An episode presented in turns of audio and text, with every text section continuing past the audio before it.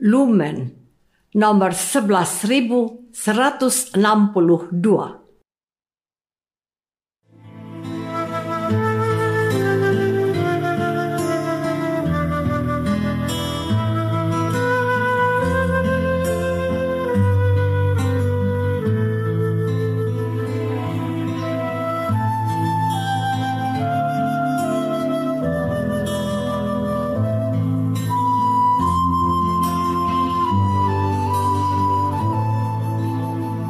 Saudara pendengar di segenap penjuru tanah air, selamat bergabung dengan Lumen Indonesia. Lumen Indonesia siap melayani Anda setiap hari. Saudara terkasih, marilah kita bersatu dalam Tuhan kita Yesus Kristus yang tidak berubah dahulu, sekarang, dan selama-lamanya. Allah Sang Maha Rahim mengasihi dan menerima sebagaimana adanya kita Allah Bapa kita di surga senantiasa bersedia menolong, menghibur, dan meneguhkan kita dalam menghadapi segala permasalahan hidup sehari-hari.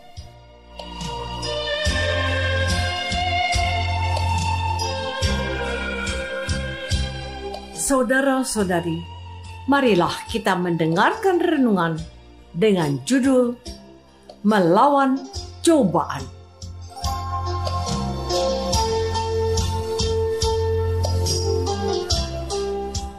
Yang berdasarkan pada Injil Matius bab 4 ayat 1 dan 2 dan 11. Maka Yesus dibawa oleh roh ke padang gurun untuk dicobai iblis. Dan setelah berpuasa 40 hari dan 40 malam, akhirnya laparlah Yesus. Lalu iblis meninggalkan dia dan lihatlah malaikat-malaikat datang melayani Yesus.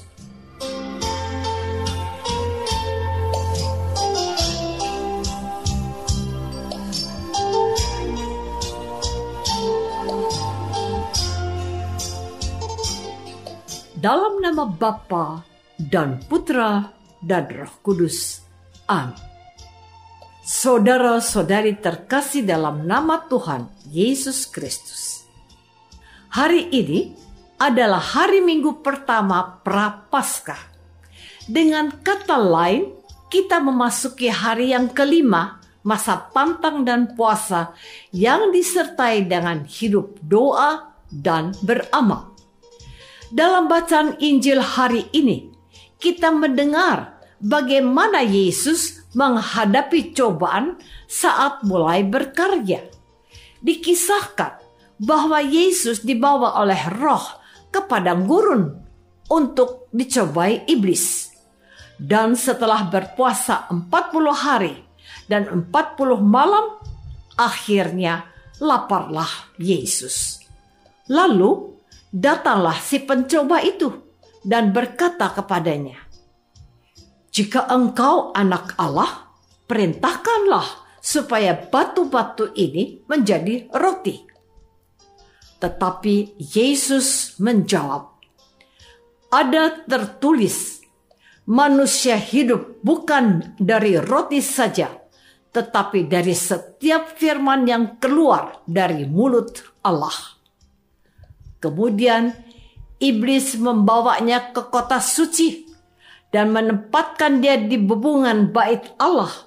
Lalu berkata kepadanya, "Jika engkau anak Allah, jatuhkanlah dirimu ke bawah, sebab ada tertulis mengenai engkau, ia akan memerintahkan malaikat-malaikatnya dan mereka akan menatang engkau di atas tangannya, supaya kakimu jangan terantuk kepada batu.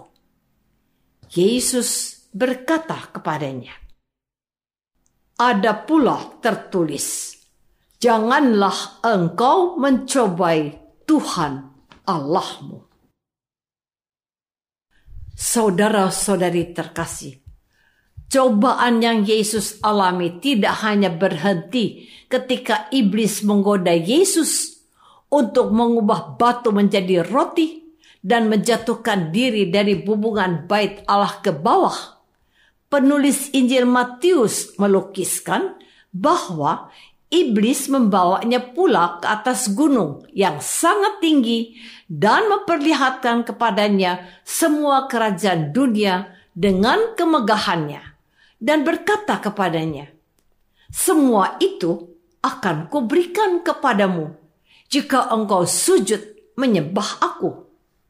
Maka berkatalah Yesus kepadanya, "Enyahlah iblis, sebab ada tertulis, engkau harus menyembah Tuhan Allahmu." dan hanya kepada dia sajalah engkau berbakti. Lalu iblis meninggalkan dia dan lihatlah malaikat-malaikat datang melayani Yesus. Dari kisah Yesus dicobai iblis ini. Kita diingatkan bahwa iblis itu ada dan nyata serta berada di sekeliling kita Iblis tak henti-hentinya berupaya untuk mencobai kita para pengikut Yesus. Tujuannya jelas, yakni membuat kita meninggalkan Allah dengan melakukan hal-hal yang jahat. Saudara-saudari terkasih, setiap hari umat manusia senantiasa menghadapi berbagai cobaan, termasuk umat Katolik dan Kristen yang hidup di Indonesia yang beraneka ragam suku, bahasa, dan adat istiadat. Cobaan itu terdiri dari tiga kelompok. Pertama, makanan yang biasa kita makan setiap hari. Bahkan dalam satu hari kita makan lebih dari satu kali.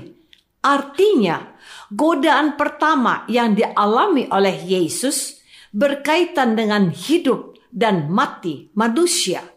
Sebab kalau kita tidak makan satu hari saja, kita akan kelaparan.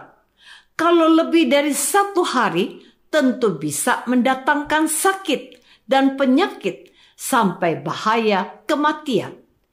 Kita dapat membayangkan bagaimana keadaan Yesus yang sudah 40 hari berpuasa. Dan iblis tahu bahwa saat itu Yesus sangat membutuhkan makanan karena Yesus dalam keadaan lapar yang luar biasa. Dengan demikian, iblis pun tahu apa yang paling kita butuhkan sesuai dengan keadaan dan status kita. Misalnya, bagi orang-orang yang sudah menikah. Godaan pertama yang paling banyak dialami ialah berselingkuh atau bercerai dari pasangan. Maka tidak mengherankan bila perceraian dalam keluarga Kristiani terus meningkat dari waktu ke waktu. Saudara-saudari terkasih, Godaan kedua yang dialami oleh Yesus yakni menjatuhkan diri dari atas hubungan bait Allah. Godaan Yesus menjatuhkan diri dari hubungan bait Allah sangat berkaitan erat dengan sifat kesombongan yang bisa melanda manusia. Kita ingat Hawa yang dicobai iblis. Iblis mengatakan bahwa Hawa bisa jadi seperti Allah kalau Hawa makan buah terlarang. Dan saat ini dengan sadar atau tidak dosa kesombongan menggerogoti kita. Orang berlomba berebut jabatan atau status dengan segala cara. Mereka bangga dan jadi sombong ketika apa yang mereka inginkan tercapai anak-anak malu memakai sandal, sepatu atau baju yang sudah bertahun-tahun mereka pakai. Mereka ingin membeli baju baru dan membuang yang lama. Semua itu karena dorongan kesombongan. Demikian pula kaum remaja, orang muda, dan orang dewasa yang berlomba-lomba memiliki barang keluaran terbaru seperti handphone, motor, dan mobil. Ini semua pengaruh dari dosa kesombongan. Cobaan Yesus yang ketiga sangat berkaitan dengan uang dan harta benda. Maka tidak heran jika saat ini banyak yang terjerat kasus korupsi termasuk orang-orang Kristiani.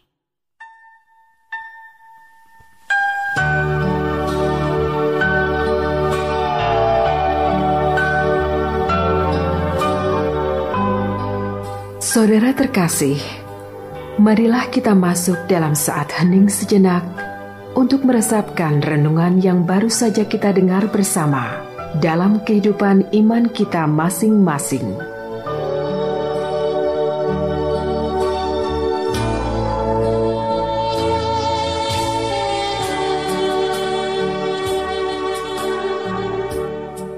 Apakah selama ini kita sudah berani melawan cobaan yang kita alami dalam hidup sehari-hari seperti yang ditunjukkan oleh Yesus? Marilah kita berdoa. Tuhan Yesus Kristus, Engkau pernah mengalami cobaan sebanyak tiga kali untuk menunjukkan kepada kami cara mengatasi cobaan tersebut. Bantulah kami umatmu agar kami kuat dalam menghadapi berbagai cobaan. Yakinkan kami bahwa Engkau lebih besar dan mampu menolong kami. Doa ini kami persembahkan dalam namamu, Tuhan dan pengantara kami. Amin. Semoga kita semua selalu dinaungi dan dibimbing oleh berkat Allah yang Maha Kuasa, Bapa dan Putra dan Roh Kudus. Amin.